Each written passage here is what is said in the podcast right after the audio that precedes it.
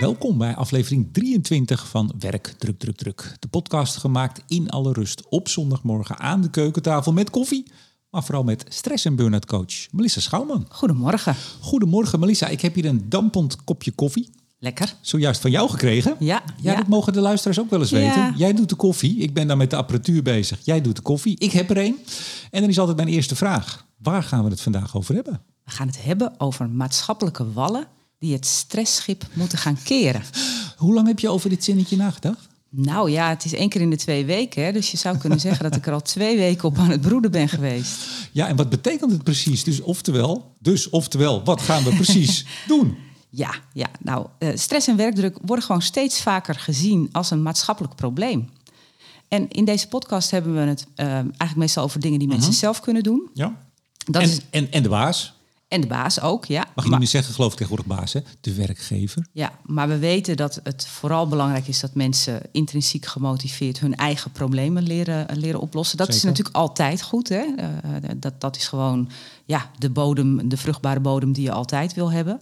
Maar eh, soms zit er gewoon ook fundamenteel iets in het systeem wat veranderd moet worden. En blijkbaar zijn we op dat punt aan het aanlanden als eh, maatschappij. Ja, wat, wat, wat zie jij dan als systeemverandering of aanzetten tot veranderingen van het systeem? Nou, dat zeg je goed. Hè? Het zijn eigenlijk meer aanzetten tot beginnetjes.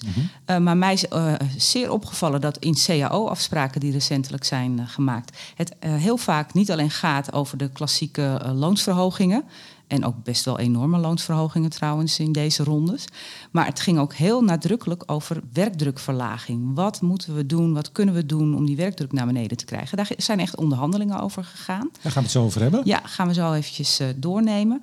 Eh, maar ook het Sociaal en Cultureel Planbureau kwam eh, recentelijk met een, met een opvallende visie. Die, die, ja, die, die gaven echt wel ook wat specifieke dingen aan over hoge druk waar mensen last van hebben. Nou. Dus eh, nou, dat viel mij op. Ja, gaan we het over hebben. Welke afspraken zijn er dan gemaakt? Eh, zetten die ook zo aan de dijk? Gaan die het schip keren? Ja. Om in jouw eh, prachtige metafoor te blijven. En wat zegt dan het Sociaal Cultureel Planbureau? Uiteraard. Maar Ja. nu eerst, toch even. Ik, klopt het? Ik wil het even bij je checken. Klopt het dat jij promotie hebt gemaakt bij Binnenlands Bestuur? Ja, je zou het bijna wel denken. Ja, ja. ik eh, stond weer in het, eh, in het ambtenaren lijfblad Binnenlands Bestuur... eh, met een geprinte versie van mijn column. ja, want jij bent al weer een tijdje online columnist. Dat heb Ja. je daarvoor, jaren geleden, was je het ook al een hele tijd. Ja. En nu be- hebben ze je zomaar drie keer achter elkaar in het blad gezet. Ja, en dat is, ja, dat is toch eervol hoor. Ja, nou, serieus. Eh, Dat lezen ook veel meer mensen, denk ik. Ja, ja, het gekke is dat eh, uh, die online column die doet ook altijd wel wat. Hè, dat mensen dat interessant vinden en uh, hè, dat het leuk vinden om te lezen.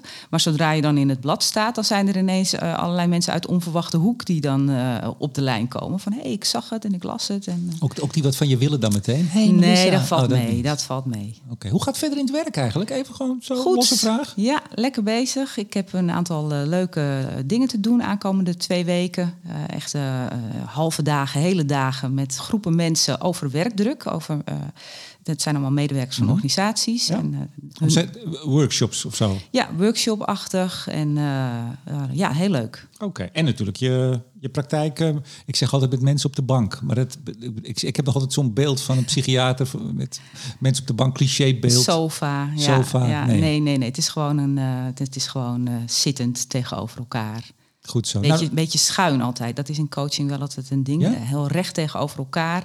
Dat is niet, uh, niet helemaal de goede houding om een fijn gesprek te hebben. Mensen moeten een beetje voor zich uit kunnen praten. Oh, wat gek, want wij zitten nu recht tegenover elkaar en dat doen we al 23 afleveringen. Ja, maar dit is ook geen coaching. Tenminste, ja, of ik word hier door jou gecoacht, dat kan natuurlijk ook. Nee, maar is dat, is dat echt zo? Dat, je, dat leer jij, heb je ook ooit geleerd op je opleiding om niet recht tegenover je coachie te gaan zitten? Ja, het komt niet zo heel expliciet. Niet dat daar een hele les aan wordt besteed. Maar uh, meestal ook als je in, uh, in, uh, gaat oefenen met coaching settings, mm -hmm. dan, dan, ja, dan worden de stoelen net even wat schuin gezet.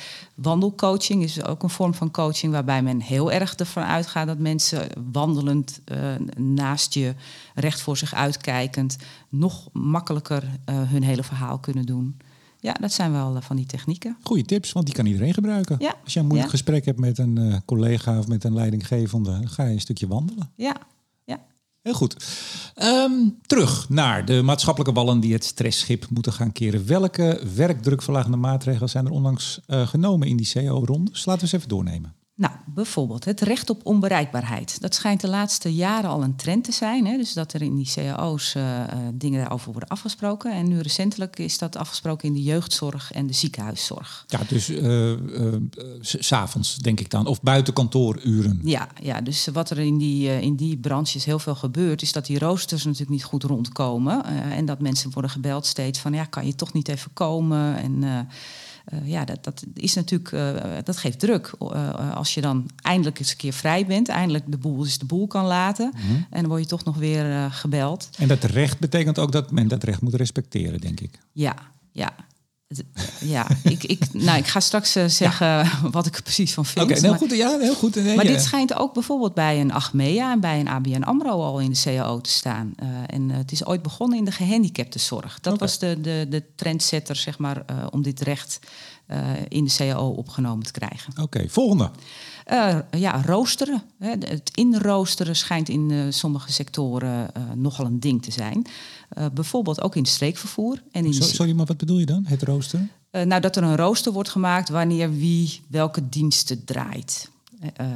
Hè, want het zijn natuurlijk diensten die... ja, mm -hmm, jij ja. moet gewoon op die bus zitten. Maar dat, dat, er wordt toch geroosterd? Ja, er wordt geroosterd. Uh, maar wat men wil is dat er meer invloed op die roosters okay. uitgeoefend kan worden. Dus dat die roosters wat verder van tevoren bekend zijn, zodat iemand kan zeggen: ja, maar wacht even, dit komt mij toch niet goed uit. Dus in de ziekenhuiszorg heeft men ervoor gepleit om drie maanden vooruit te gaan roosteren. Mm-hmm. En in, de, uh, in het streekvervoer uh, heeft men gepleit voor minder gebroken diensten. Want wat daar wel eens voorkwam, en dat lijkt me inderdaad ook best wel heel vermoeiend, dat iemand een vroege dienst op de dag had, dan een tijdje niks en dan nog een late dienst. En dat zijn echt uh, extra vermoeiende dagen. Ja. He, dus dan ben je op één dag, ben je eigenlijk op meerdere momenten met dat werk bezig. En tussendoor kan je verder niet zoveel.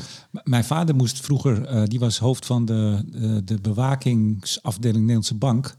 En dat was nog voor het computertijdperk dat hij ook de roosters moest maken. Ach, ja. Het was altijd een gedoe hoor. Ja, je, je doet het natuurlijk nooit goed voor iedereen. Nee. En, en soms moet je echt, ja, je probeert, hij probeerde dan wel uh, zoveel mogelijk iedereen tegemoet te komen als mensen, nou ja, een, een huwelijksfeest of nou ja, wat, wat, er allemaal maar kan gebeuren. Maar ja, uiteindelijk zijn er altijd mensen ontevreden met het rooster. Ja. Dat is lastig hoor. Ja. En dat was nog met de hand. Het is overigens trouwens niet zo dat die dingen die, nu, die ik nu noem, dat die allemaal uh, meteen worden ingevoerd. Want het is ook nogal een ding voor een organisatie om dit werkbaar te maken. Dus sommige dingen gaan pas uh, uh, ergens eind van het jaar een keer ingevoerd worden. Maar ja. dit zijn wel de principes waar men uit is gekomen. Daar hebben we nog de vermindering van de administratieve last door uniformen, uniforme formulieren. Ja, in de jeugdzorg. Het schijnt zo te zijn dat ze daar met allemaal verschillende formulieren werken. En uh, dat er steeds dingen overgeschreven moeten worden, overgetikt moeten worden. Eigenlijk dezelfde informatie die, die, die dan weer opnieuw uh, op het uh, voor dat onderdeel juiste formulier gezet moeten worden. Dus dit is dan misschien een automatiseringsopgave? ja, ja, zo klinkt het wel. Ja. Dan hebben we nog vijf minuten extra pauze. Nou, Wauw. Ja. In het streekvervoer. Ja, het is heel pijnlijk, maar in dat streekvervoer is het echt een ding dat uh, de druk om, om op tijd te kunnen blijven rijden zo groot is dat uh, de chauffeurs. Uh, en dit gaat ook over sommige treinlijnen trouwens, mm -hmm. dat is ook streekvervoer, dat, dat ze geen tijd hebben om naar het toilet te gaan bijvoorbeeld. Hebben we het hier, hebben we het hier al een keer over gehad? Ja. Ik zeg luiers.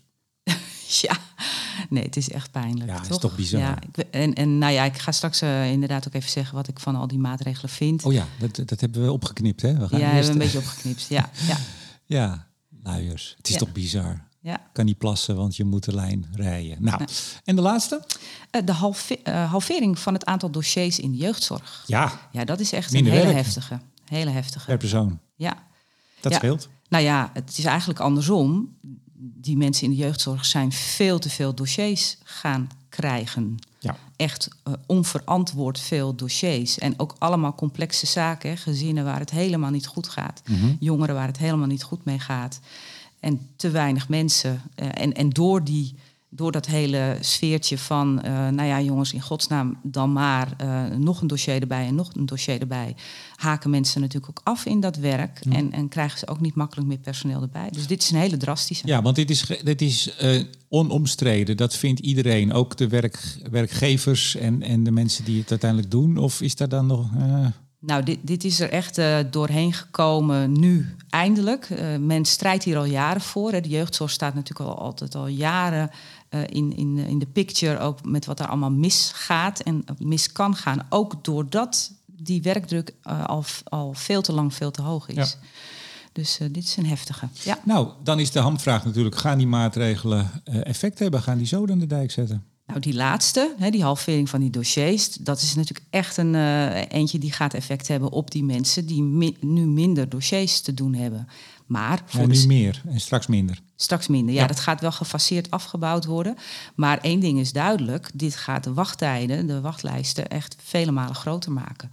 Dus voor de sector is dit uh, uh, ja, echt een, een, een, een, zeer drastisch ding om te doen. Maar blijkbaar zo ontzettend nodig. En wat ze hopen is dat, uh, dat die, de, de, sector natuurlijk ook een betere naam gaat krijgen voor mensen die nieuw in dat werk willen stappen. Mm dus door, door het nu heel drastisch aan te pakken, dat het, ja, dat het weer interessanter gaat worden, aantrekkelijker gaat worden om dit werk te gaan doen. Maar dan is de bedoeling, denk ik ook, dat er meer mensen worden aangenomen en opgeleid worden voor werk in de jeugdzorg. Ja, ja. Maar is dit nou, uh, zou je dit kunnen typeren als een soort uh, een noodremgreep? Ja, vind ik wel. Vind ik wel. Zeker omdat ja, er is gewoon heel veel behoefte aan jeugdzorg. En er zijn volgens mij nu al wachtlijsten. Dus het feit dat je, dat je voor lief moet nemen als maatschappij. Ja, dit, dit, dit is zo'n ja. gevalletje, de wal moet het schip gaan keren. Ja, maar hier kun je dus eigenlijk niet zo heel veel van vinden. Het is nodig, het moet en toch? Ja, ja. Ja, maar deze gaat natuurlijk wel zoden aan de dijk zetten voor die individuele medewerker die nu wordt overstroomd. Ja. Uh, want nu is, is de workload twee keer zo hoog als waar ze nu naartoe willen. Twee mm keer zo hoog, dus kun je nagaan. Ja. Maar bijvoorbeeld zoiets als die vijf minuten pauze.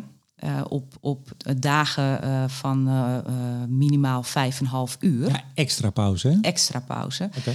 Ja, weet je, als, als het, het probleem eigenlijk is dat, die, dat, je, dat je op tijd moet blijven rijden en ja, dat je iedere keer op de klok eigenlijk moet kijken. Ik weet niet of vijf minuten pauze daar dan het verschil in gaan maken. Gaan maken. Mm -hmm.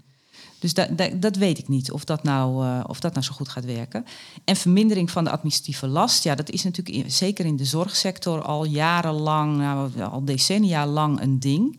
Uh, ik zag laatst iets voorbij komen dat in ziekenhuiszorg 40% van de tijd opgaat aan administratie. Ook heel veel van dat dubbele werk. Hè, dus ook heel veel systemen die per zorgonderdeel uh, anders zijn, waardoor er heel veel uh, gegevens van patiënten opnieuw moeten worden ingetikt. Mm -hmm. uh, nou, er schijnt een wet in de maak te zijn die de elektronische verwerking in de zorg uh, makkelijker moet gaan maken. En eigenlijk zit daar veel meer de oplossing, dat die systemen. ja, echt makkelijker kunnen gaan uitwisselen. Mm -hmm. dus ik, nou, een, uniform, een uniform formulier, ja, als dat, als dat de truc doet, hartstikke goed. Maar er moet hier op dit vlak nog veel meer gebeuren. Mm -hmm, ja. Dus ook dit uh, zou je kunnen zien als een beginnetje. Ja. Wat, ik, wat ik in ieder geval uh, uh, hoop voor de sectoren waar nu dit soort afspraken zijn gemaakt, dat er niet wordt gezegd, nou ja, we hebben ongeveer bedacht hoe die werkdruk verlaagd kan worden. Gaan jullie nu zelf maar lekker verder in werkgroepjes om helemaal uit te pluizen hoe het nou precies moet. Want dat gebeurt natuurlijk ook wel vaak, dat er een soort contour van werkdrukverlaging wordt afgesproken. En dan nou, gaan jullie het nu zelf maar uitzoeken hoe dat precies moet. Want dan krijgen uh, die sectoren er nog weer werk bij om te verzinnen hoe ze het zelf uh, in goede banen moeten krijgen. Maar ja, dat is natuurlijk altijd toch ook wel. Je moet er ook, ook wel zelf wat mee doen. En dus eigenlijk tijdelijk weer even wat meer werk erbij, of niet? Dat is er niet helemaal te vermijden. Als het gaat om uh, een echte systeemverandering, dan helpt het ook wel als er gewoon wordt besloten: we gaan dat formulier gewoon niet meer gebruiken. We volstaan met dat formulier. Dat is eigenlijk voldoende. Dat er eigenlijk ook wel wat beslissingen voor je worden genomen. Hm. Uh, ik weet dat het een beetje indruist tegen de autonomie, waar we het hier ook uh, heel vaak over hebben. Uh, maar een systeemverandering, eh, dat, dat, uh, dat gebeurt ook vaak door echt te zeggen, zo gaan we het niet meer doen. Ja. Nou, bijvoorbeeld in die jeugdzorg. We gaan niet meer 24 dossiers op één fulltime medewerker stoppen, want het blijkt gewoon echt niet te doen te zijn. Dus halveren die boel. Ja, en die, die heeft toch nog die onbereikbaarheid, het recht op onbereikbaarheid. Is dat daarmee dan gewoon geregeld? Ook dat vind ik een beetje een lastige. Want ja, als, als het rooster uh, gaten bevat, er zijn mensen ziek geworden. Uh, ik, ik weet niet of het dan. Hm.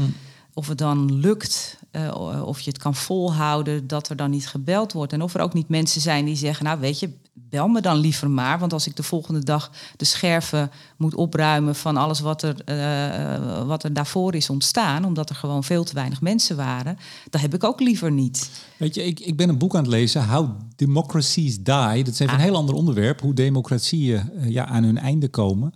Uh, heel interessant boek. Het is al een aantal jaar oud hoor. Het, het, was een boek op de, de New York eh, Times bestsellerlijst. En daar wordt heel mooi geanalyseerd nou ja, hoe democratieën werken en hoe ze dus ook soms eindigen. Ja. Lees dat boek. Maar een heel belangrijk onderdeel daarvan, en dat is de link denk ik hiermee, is dat er ook heel veel los van hè, de Constitution, de grondwet, het is een Amerikaans boek. Uh, en in, in Nederland natuurlijk ook alle wetten die we hebben en alle, alle uh, niet uitgeschreven normen en waarden eigenlijk die maken dat een democratie kan functioneren. Die zijn essentieel. Je kunt niet alles, dat geldt voor alle wetten, dat weten we ook wel. Je kunt niet alles wat je met elkaar afspreekt uh, vastleggen in een wet en elkaar daaraan houden. Dan werkt een democratie nog altijd niet. Nee. Ik heb dat gevoel hier ook een beetje bij. Hè? Je kan gaan vastleggen, nou jij mag na zeven uur s avonds geen mail meer sturen. Maar dat maakt niet, denk ik hoor dat, dat, je daar, dat het daarmee goed functioneert. Het gaat erom dat je in de geest van de afspraak werkt en niet zozeer in de letter, precies, denk ik. Precies, ja, ik denk dat je, daar, uh, dat je daar helemaal gelijk in hebt dat het, het is een soort uh, norm die je met elkaar hebt gesteld, een soort cultuur van omgaan met elkaar. Maar op het moment dat, dat branches zwaar onder druk staan, ja, dan, dan, dan weet je gewoon dat die, dat, dat die norm daardoor verandert. Dat, dat er gemakkelijker even een beroep op mensen wordt gedaan. Dat is niet goed, maar dat gebeurt natuurlijk gewoon. En ik weet niet of je die geest weer zo makkelijk in de, in de fles uh, terugkrijgt. Lastig. Lastig, lastig. Dit is überhaupt een lastig onderwerp. Sociaal en cultureel planbureau, daar gaan we het zo over hebben. Ja. Um, maar eerst nog even kort, kortje. Ja. Daar kunnen we uren over praten. Maar het CBS kwam met een onderzoek. Wat was dat onderzoek en wat was het resultaat? Nou, ze kwamen met een onderzoek naar uh, deeltijdwerken. En dan uh, hebben ze specifiek gekeken naar uh, afgestudeerden. Dus jonge mensen die net nieuw de arbeidsmarkt betreden. En die hebben ze negen jaar lang gevolgd. Uh, en ik, ik, heb nog even gekeken uh, hoeveel van die mensen hebben ze dan gevolgd. Nou, volgens mij hebben ze iedereen gevolgd. Want ze kijken gewoon heel statistisch natuurlijk naar welke, uh, hoeveel mensen studeren eraf. En hoe gaat het dan met dat deeltijdwerk? Dat staat allemaal in hun, in hun statistieken die ze al hebben. Mm en wat zij zien is dat jonge vrouwen veel meer geneigd zijn om gelijk in deeltijd te gaan werken. Uh, veel meer dan jonge mannen. En dat dat uh, verschil tussen de hoeveelheid uh, jonge mensen die in deeltijd gaan werken, dat dat groter wordt naarmate de jaren vorderen. Dus ze zien jonge vrouwen, zien ze veel vaker kiezen voor werken in deeltijd. Ja, en wat zegt ons dit? Nou, wat, de, de, conclusies vlogen je om de oren. en, en de CBS had natuurlijk zelf ook wel een paar bevindingen eraan gekoppeld. Wat zij zeggen is uh, dat vrouwen vaker kiezen voor sectoren waarin uh, deeltijd werken normaal is. Uh, de dus zorg bijvoorbeeld? De zorg, waar dat ook bijna een beetje de norm is. En, en dat sommige mannen ook best wel in deeltijd zouden willen werken, maar in de sectoren waar zij vaker voor kiezen, dat dat niet zo gewoon is. Mhm. maar ze zien toch ook nog wel de, de klassieke man-vrouw rolverdeling. Nou, wij hadden hem net eigenlijk in onze podcast ook al te pakken. Want jij vertelde dat jij dan de technische dingen hier klaarzet terwijl ik de koffie maak. Hè? Dus ook wij hebben een klassieke man-vrouw verdeling. Maar die zien zij dus ook hier nog wel in. Wel minder dan het ooit was. Hè? Dus er zijn veel meer vrouwen betaald werk aan het doen. Uh, en, en ook de hoeveelheid deeltijdwerk waar zij het over hebben, vind ik nog wel moeilijk. Want ze kijken naar 35 uur en minder. Nou, ik zelf werk al nou, ongeveer vanaf dat ik begonnen ben met werken 32 uur. Ik ervaar dat zelf niet als een super deeltijdbaan. Ik vind het heel lekker. Het is een hele bewuste keus voor mij geweest om dat uh, te doen. Dan moet dat ook financieel allemaal wel kunnen natuurlijk. Ja, ja. En dat waren ook wel wat reacties die ik zag op deze berichtgeving. Hè. Dus het werd een beetje in de hoek geduwd van... oh, we zijn nog allemaal heel erg klassiek bezig... Uh, en vrouwen maken zichzelf misschien ook wel kwetsbaar door, uh, door zo weinig uren te maken. En er is natuurlijk ook een soort oproep. Nu de, de, de personeelstekorten zo hoog zijn, vrouwen, gaan nou meer werken, gaan nou meer werken. Uh, maar er waren ook wel veel, met name jonge mensen, die reageerden van... ja, hallo, wij vinden het eigenlijk wel mooi zat. al die druk die op, op iedereen staat. Wij kiezen er eigenlijk heel bewust voor om korter te gaan werken. Dus ik, ik vond het wel opvallend. Een beetje twee werelden. Een beetje de wereld van zitten we nog vast in ons klassieke beeld en uh, de vrouw uh, hè, is toch wel grote delen thuis bezig en uh, is financieel kwetsbaar. En een, een, groep jonge mensen die ook wel zegt: ja, wij kiezen niet meer voor dat hele harde werken en al, allemaal maar over de kop gaan en in de overspanning raken. Ja. ja, ik zeg hier weinig over. Want? ik word er af en toe zo moe van. Niet, Oh. niet in deze podcast, maar daarbuiten. Als het over man en vrouw en deeltijd. En voor je het weet heb je een enorme gepolariseerde... we weten van Sierencampagne... verlies elkaar niet hè, in de discussie. Precies, precies. Maar het gaat af en toe nergens meer over. Als je ook maar iets zegt, als, als je als man ook maar iets zegt over, met het woord vrouw in de zin... eh, over dit soort dingen, dan kan het al heel snel verkeerd worden uitgelegd... Uh, dat je daar toch op een of andere manier een, laatdunkend over de, de, de, vrouw praat. Ik, ik heb daar echt wel eens een paar keer.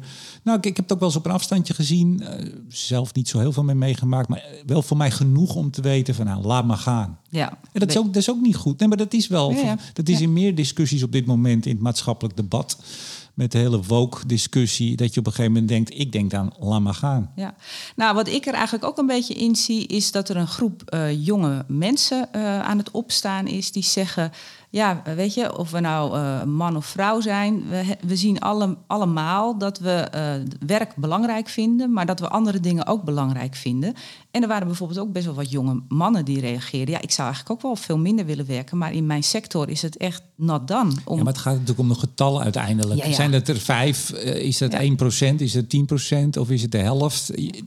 Dit gaat over wat zijn de grote trends, toch? Ja. Kijk, ik weet nu inmiddels de trend is, ik ga volgende keer koffie zetten en jij komt met alle apparatuur aanslepen. Precies, ja, heel ja. goed. Hebben we weer een nieuwe norm gesteld. Ja. ja. Toch even een kleine vraag. Weet je hoe alles werkt? Nee, nee. nee dus je hebt kans dat, er, dat het dan een hele rare podcast wordt. Maar ja, dan hebben we wel even het patroon doorbroken. Beste luisteraars, mocht aflevering 23 de laatste aflevering zijn van Werk, Druk, Druk, Druk... dan weet u hoe dat komt. We zijn gepolariseerd. Nee hoor.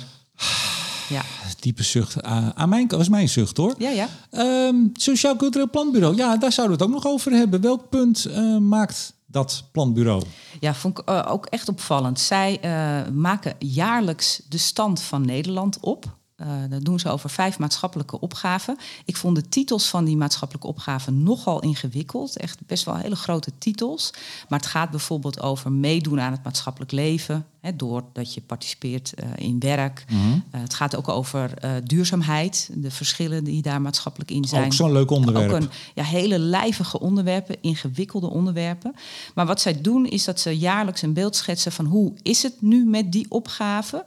En waar moet het eigenlijk anders en beter? En eigenlijk geven ze allemaal adviezen, gevraagd en ongevraagd, aan de politiek, aan de overheid. Uh, en rondom het thema, nou let op, deze heb ik dan wel even, ik heb hem wel even opgeschreven. Uh, zinvol en volwaardig mee kunnen doen aan het maatschappelijk leven. Kwamen zij met een aantal opvallende waarschuwingen. Oh. En die zijn ook best wel oh, opgepikt. Die, nou. die, die hoorde je ook het meest rondgaan. Zij zeiden namelijk: ministeries moeten beter samenwerken om te voorkomen dat mensen worden overvraagd. De overheid vraagt aan burgers om meer te werken, maar tegelijk vragen ze ook om meer mantelzorg uh, te verlenen, bijvoorbeeld. En uh, ze moeten uitkijken dat ze daarmee niet een veel te grote druk op mensen gaan leggen. Ja. Dat is echt een hele specifieke waarschuwing. Uh, hè, dus dus zij, zij houden ook altijd pleidooien van uh, welk ministerie komt nou met welke hoofdboodschap en zorg nou dat die op dat soort maatschappelijke vraagstukken dat die boodschappen beter op elkaar zijn afgestemd. Ja, dus dat was wel een, een terechte of, of nou, ik zo zeggen. Wat vind je ervan, Melissa, van deze waarschuwing? Ik vind het wel terecht. Ja, ik weet niet of deze vorm helemaal gaat werken en of het makkelijk landt. En het is natuurlijk allemaal erg hoog over. Uh, maar bijvoorbeeld die uh, Karen van Oudenhoven heet zij. Dat is de nieuwe directeur van, uh, uh-huh. van Sociaal en Cultureel Planbureau. Eerst was het uh, Kim Putters, geloof ik, uit mijn hoofd.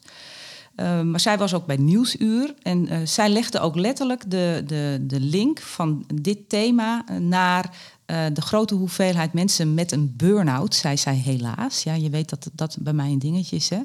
Uh, een vrouw van Oudenhoven niet meer doen. Nee. Moet u niet meer doen. Het, want het ging over 1,3 miljoen mensen. En dat zijn eigenlijk die mensen waarvan ik steeds heel nadrukkelijk zeg... nee, dat zijn mensen met overspanningsklachten. Hou dat nou een beetje weg bij burn-out-achtige klachten ook. En, en burn-out is dan helemaal een veel te ver. dus nou hebben we weer 1,3 miljoen mensen met een burn-out. Ja, nee, de, het werd gecorrigeerd. Het werd door de presentator van Nieuwsuur Oh, gecorrigeerd. Oké. Want die zei, nou, het zijn eh, 1,3 miljoen mensen met burn-out-achtige klachten. Serieus? Ik zou, ja, ja. Ik zou hebben gewild dat daar dan overspanningsklachten eh, zouden worden Het is ook niet, niet snel goed, hè? Nee, Uiteindelijk. Nee. Maar zo zie je dat dat soort eh, koppelingen eh, rondom ja, het beleid eigenlijk wat gemaakt wordt, heel sterk worden gemaakt. En ehm, eh, ja, ik, ben, ik zie het ook wel. Ik zie ook wel die discrepantie die er aan het ontstaan is. We hebben personeelstekort. Mensen worden opgeroepen om meer uren te maken. Maar tegelijk hebben we een maatschappij met elkaar inmiddels... waarin zorg eh, niet meer vanzelfsprekend door allerlei instituties wordt verleend. Ja. Eh, dus men- er zijn in mijn ogen, ja, ik heb daar de cijfers niet voor, daar ga ik misschien ook nog wel eens een keertje op studeren. Mhm. Eh, de- steeds meer mensen eh, zijn mantelzorger Ja. en besteden daar vele, vele uren aan.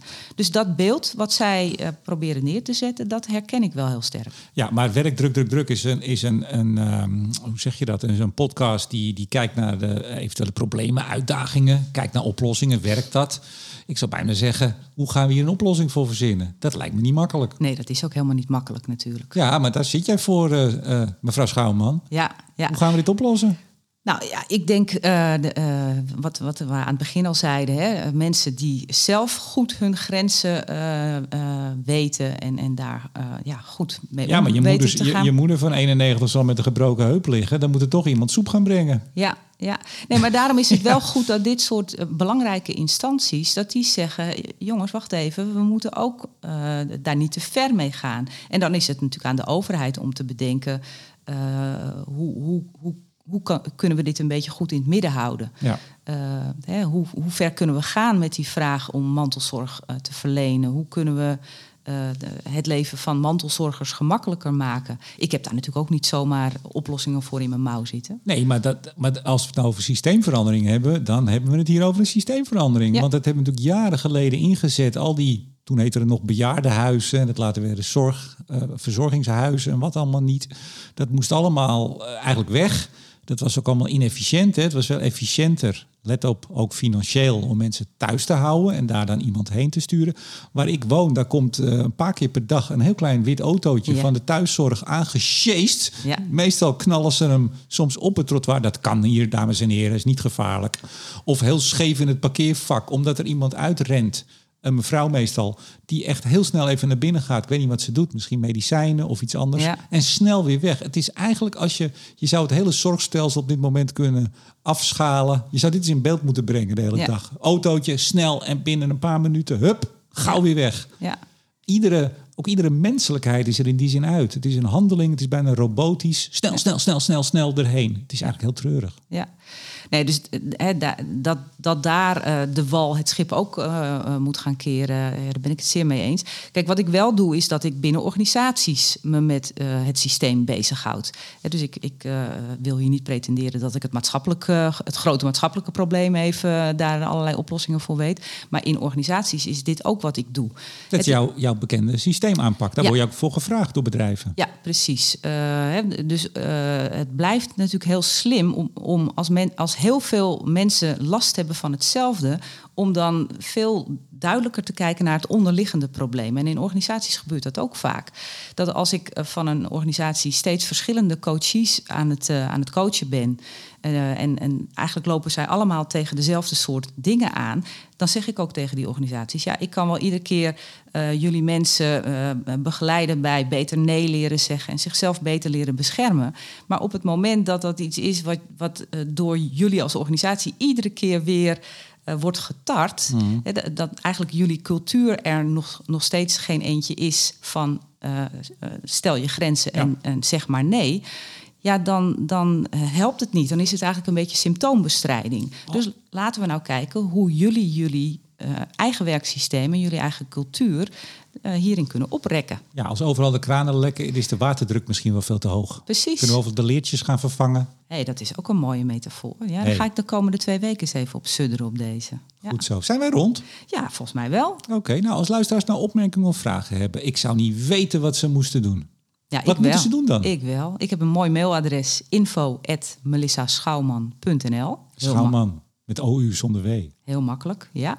Social media, ben je ook actief? Ja, vooral LinkedIn. Uh, gewoon met mijn naam kun je me zo vinden. Ja, en als mensen nou denken, goh, wat was dit een leuk half uurtje. Laat het dus weten aan andere mensen. Ja, stuur het door. je kan die link heel makkelijk even kopiëren en plakken. En uh, je kan er ook een berichtje over maken. Berichtje over maken, het kan allemaal. Ja. Dan zeg ik tot zover. Aflevering 23 van Werk, Druk, Druk, Druk. Graag tot de volgende keer. Tot volgende keer. Wil jij misschien nog een paar paaseitje? Ik raak die dingen aan de straat zijn niet kwijt. Oh, dan zijn het zeker hele vieze.